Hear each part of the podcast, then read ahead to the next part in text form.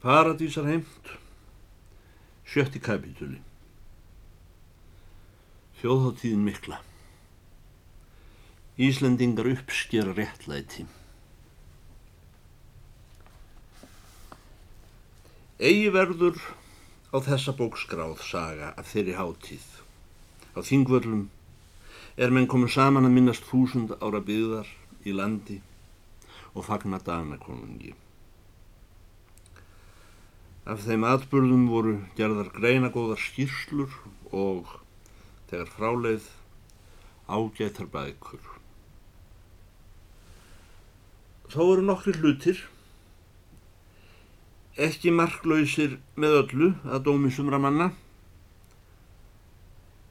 en aldrei fengu inni í þessum ágætlegum frásóknum. Nú verður hér frásagt einum slíkum atbyrði sem aðeins verður lesið um í hennum ómerkari bókum. Eru þó jafn sannir allt um það.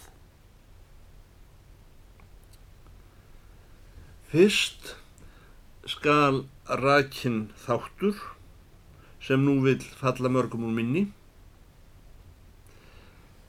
en svo er tíð er Íslendingar upp og ofan þó þeir væru fátækari flestum mönnum á norður hveli jarðar þá töldu þeir ættir sínar til konunga. Þeir hafa og í bókum gefið líf mörgum konungum er aðrar þjóðir hafa lít hýrt að geima sér í minnum og mundu að öðrum kosti tindir og tröllum gefnir þessa heims og annars. Flestir menn á Íslandi röktu ættir sínar til þeirra konunga er getur í fornsögum. Röktu sumir til herrkonunga, einna saman, eða sjókonunga, aðrir til forna fylgiskonunga í Noregsdölum eða annar staðar á Norðurlöndum, eða fyrir manna í þeim sveitum er af Norðurlöndum þjónuðu undir stólkonungin í Miklagarði en nokkrir til þeirra konunga en með sanni voru kryndir. Sábóndi var ekki á marga fiska í sveitsinni er ekki kunni að reykja ættir til Haraldar Hárfagra eða nafna hans hilditannar. Allar ættartölur Íslendinga má rekja til ynglinga og skjöldunga ef nokkur kynni að vera í heiminum enn sem kannast við það fólk. Margir leku sér að því að rekja sig saman við Sigurð Fáknisbana, Gautreg konung af Gauðlandi og Göngurólf. En þeir sem höfðu enn útsláttar samar í lardóm vöktu til frændsemi við Karla Magnús og Fridrik Barbarossu eða þverfetuðu sig aftur til Agamemnons er mestur maður hefur verið í Gríkjum og vann Trójuborg. Voru Íslendingar af fróðum útlendingum taldir mestir ættfræðingar um, Vesturlönd síðan höfðingja ættartölur voru lístar skjál og skrum upp úr stjórnarbyltingunni frönsku. Margir voru til þingsriðinir að sjá hvílikir veru menn er fornir höfundar hafa gefið lífi í bókum.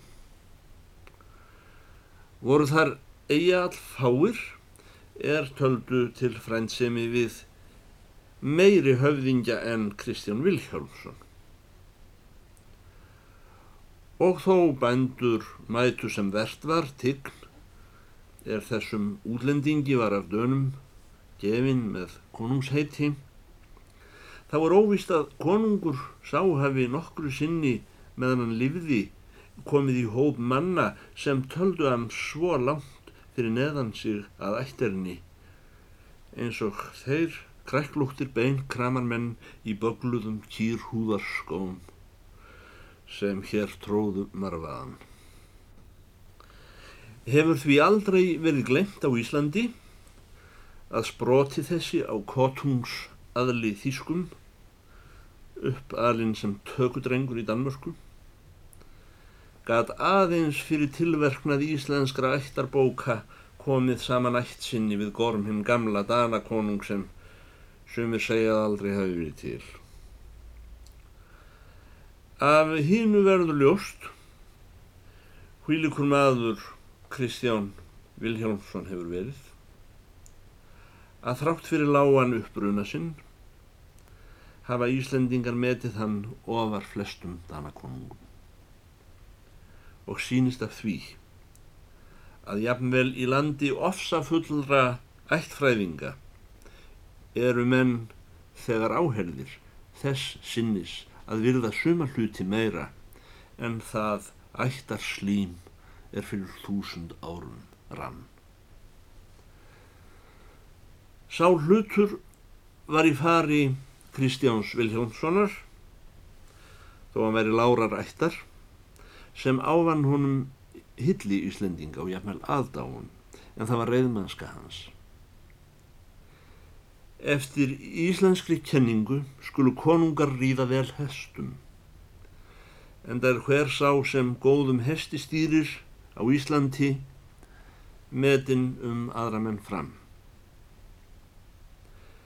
Hvítir hestar hafa löngum þótt landpríði á Íslandi og kepptust bendur við að bjóða fram slíka gæðinga handa jöfri er hann reið um hérud. Á þeim dögum drukku flestir Íslendingar innum nefið tóbak úr treflöskum eða hornum. Þetta tóbak heitir á plattþísku snuss og meta þeir við hvern mann ef hann þykkur í nefið hjá þeim. Sagt er að Kristjáni Vilhjálm sinni hafi þótt gott í nefið. Ekki verða borðnar brygður á það. Að Íslendingar hafi fagnat því að fá að Danakonungi stjórnarskrá, en þó ekki nefn í hófi.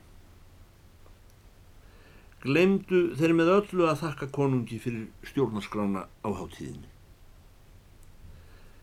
Aðeins einn maður var nær, er snarræði hefði að þakka konungi göf þessa fyrir Íslendingar hönd þó ótilkvaddur og umbóðslaus. En það var sá danskur barón sem hafði setta saman stjórnaskráð þessa fyrir konungin. Eftirvill hefur ofmörgum Íslendingum þótt sem með stjórnaskráð þessari væri verið að gefa þeim þann hlut sem þeir áttu með réttu og þó meira væri að sínuleiti glemdist konunginum að þakka Íslendingum fyrir þann hlut sem þeir heldu sig veita honum mikilsverðastan en það voru ljóð skáldanna.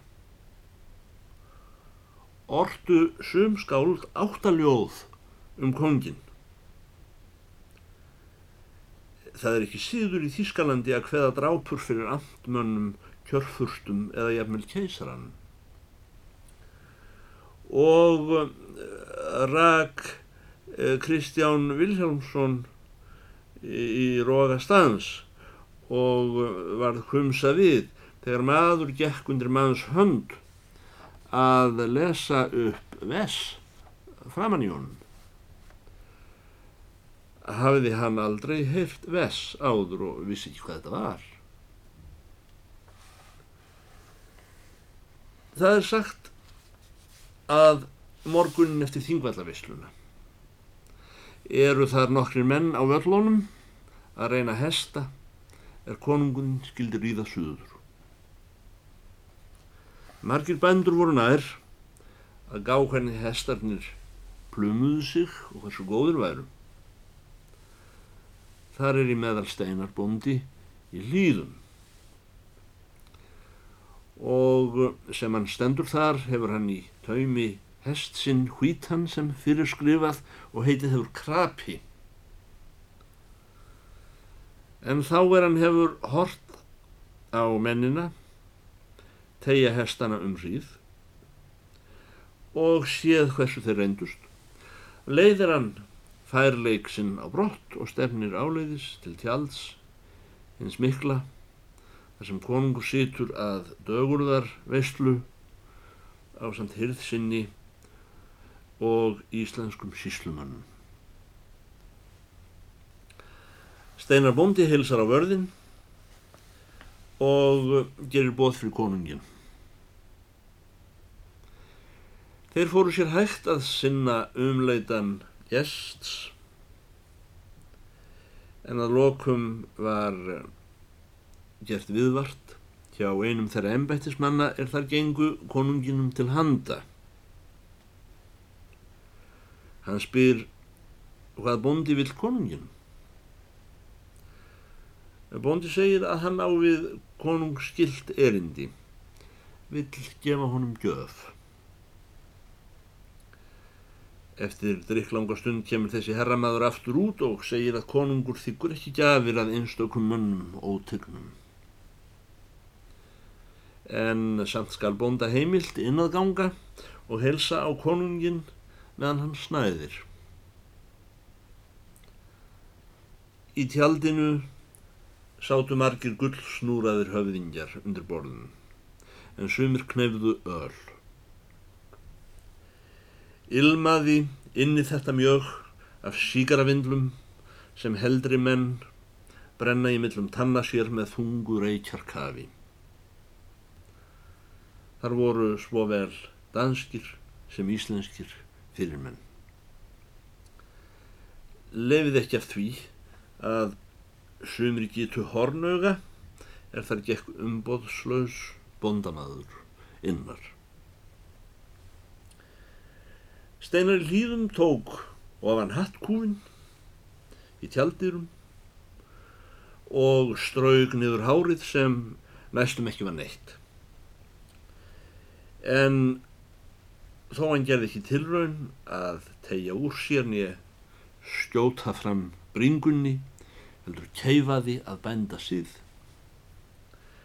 Var því engu séð af burði hans að hann teldi sig lægri mann þeim er fyrir vorum.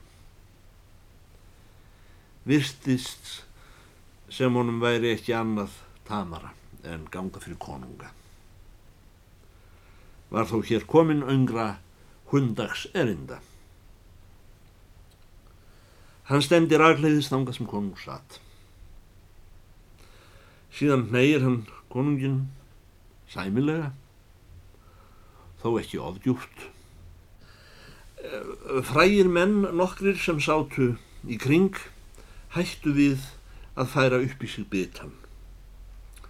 Þögn sló á tjaldið.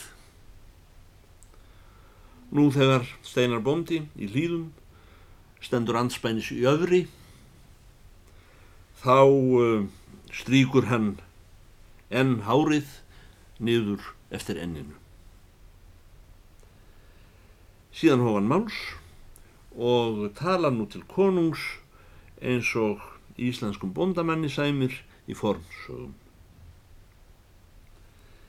Ég heiti Steinar og Steinarsson í hlýðum undir Steinarhlýðum, segir hann. Ég býð konungin velkomin til Íslands. Við erum skildir menn eftir ættartölu sem Bjarni Guðmundsson í Fugglavík gerði föður föður mín. Ég er jóskur maður að eðli, komin af Haraldi konungi Hilditönn sem háði brávallabardaga. Ég byrði við þar hátekn velverðingar, segir þá á dönsku einn fyrir maður og vindur sér fram fyrir steinarbonda og neyir konunginum Ég er, segir hann, síslumöður þessa bonda og það er ekki með mínum vilja að hann trana sér fram fyrir yður. Vist munum við er heyra erindi þessa mann, segir konungurinn, þér viljið tólka. Síslumöður Benedikt sem greip þegar við orði og segir að þessi maður hafi bóðið konung velkomin með þeim formála að hann sé skildur konungin að langþæðgatali. Ég byrði þar hátegn afsaka að bændur vorir taka allir svo til orða. Þeir get ekki gert að þessu. Fornsagan er þeirra líf og blóð. Kristján Honungur svarar Nú hef ég um það bíl sann prófað að flestir konungar muni fá sig af því fullkipta að ræða ættir við hér landsbændur. Eða hefur þessi sómamaður nokkuð fleira fram að færa? Steinar Steinsson heldur nú áfram tölu sinni. Með því konungur minn góður og elskulegur að ég hef heyrt að margt sé líkt á með okkur um ættarni og stjett því ég trúið þú sért bondamaður sunnan af reðgótalandi þá langar mig að bera fram þakkir minna sveitar fyrir að þú hefur nú fært okkur það sem við eigum sjálfur en það er leifi til að ganga uppréttir hér á Íslandi. Það er engin maður betri gjöf af yfirvöldum sínum en leifi til þess að vera það sem hann er og ekki eitthvað annað. Langar mér nú til að launa yfir þessa gjöf að mínu leiti þú í litlu sé. Í minni ætt hafa verið góður hestar. Sjálfur er ég talinn eiga ekki ólipran fóla sem minn síslumadur best má votta því hann er meðal stórmenna sem hafa falast gripinn og bóðið gull í móti með viðnáttu sinni. Nú, þar sem þú hefur flutt oss hingað réttlæti í land, þá ætla ég að leggja í yðar hönd taumana á þessum klár eins og lítil fjörlega lúku blessun. Gripurinn er nú í vörslu greifanna fyrir utan tjaldirnar en beisli þætti mér vendum að fá aftur við hendurleika. Kristján Vilhjálmsson lætur fyrst tólka sér þessa ræðu í dönsku og liggur þó ekki í augum upp í efni hennar. Kallar til skósveinsinn að snúa orðum bondans í móðurmál sitt, þísku. Þótti honum ræðan tví merkilegri sem hún var oftar tólkuð fyrir honum. Standum upp og lítum á gripin, segir konungur á lókun. Nú ganga þeir utar fyrir tjaldið, þar sem maður stóð og hjælt í taum hestinum, en fólk dreifa að úr ýmsum áttum til að leiða haugum svo ágætt hann færleik. Hesturinn títraði ögn í bóunum kunni því illa að vera orðin handbendi og augnagaman margra manna. Konungurinn sá undir eins að þetta var fallegur gripur. Gekk til hans og strauk honum með mjúkri en fastri viðkomu að hestamanna síð og stiltist hesturinn. Konungur víkur sér að einhverjum barón er þar stóðnaðir og segir á sína móðurtungu Eftir tilvill er ég sá villimanna höfðingi er vel hæfir að sé kongur yfir Íslandingum. Þó vil ég ekkert ókeipis af bendum þessum hafa. Látið koma fyrir hestin fulla greiðslu úr sjóði mínum að ganga um hendur réttu yfirvaldi. Síðan hveður konungur, steinar bonda í hlýðum með handabandi og segir að hann muni lengi minnast slíkrar gjafar. Segir að bondi skuli nefna nafn hans ef honum líki lítið við, muni bondin í afnan eiga vín í sér konungin. Steinar í hlýðum þakkaði góðar viðurtekjur og gekk í brott úr auksín konunginum og hesti sínum og af þjóðháttíðinni miklu.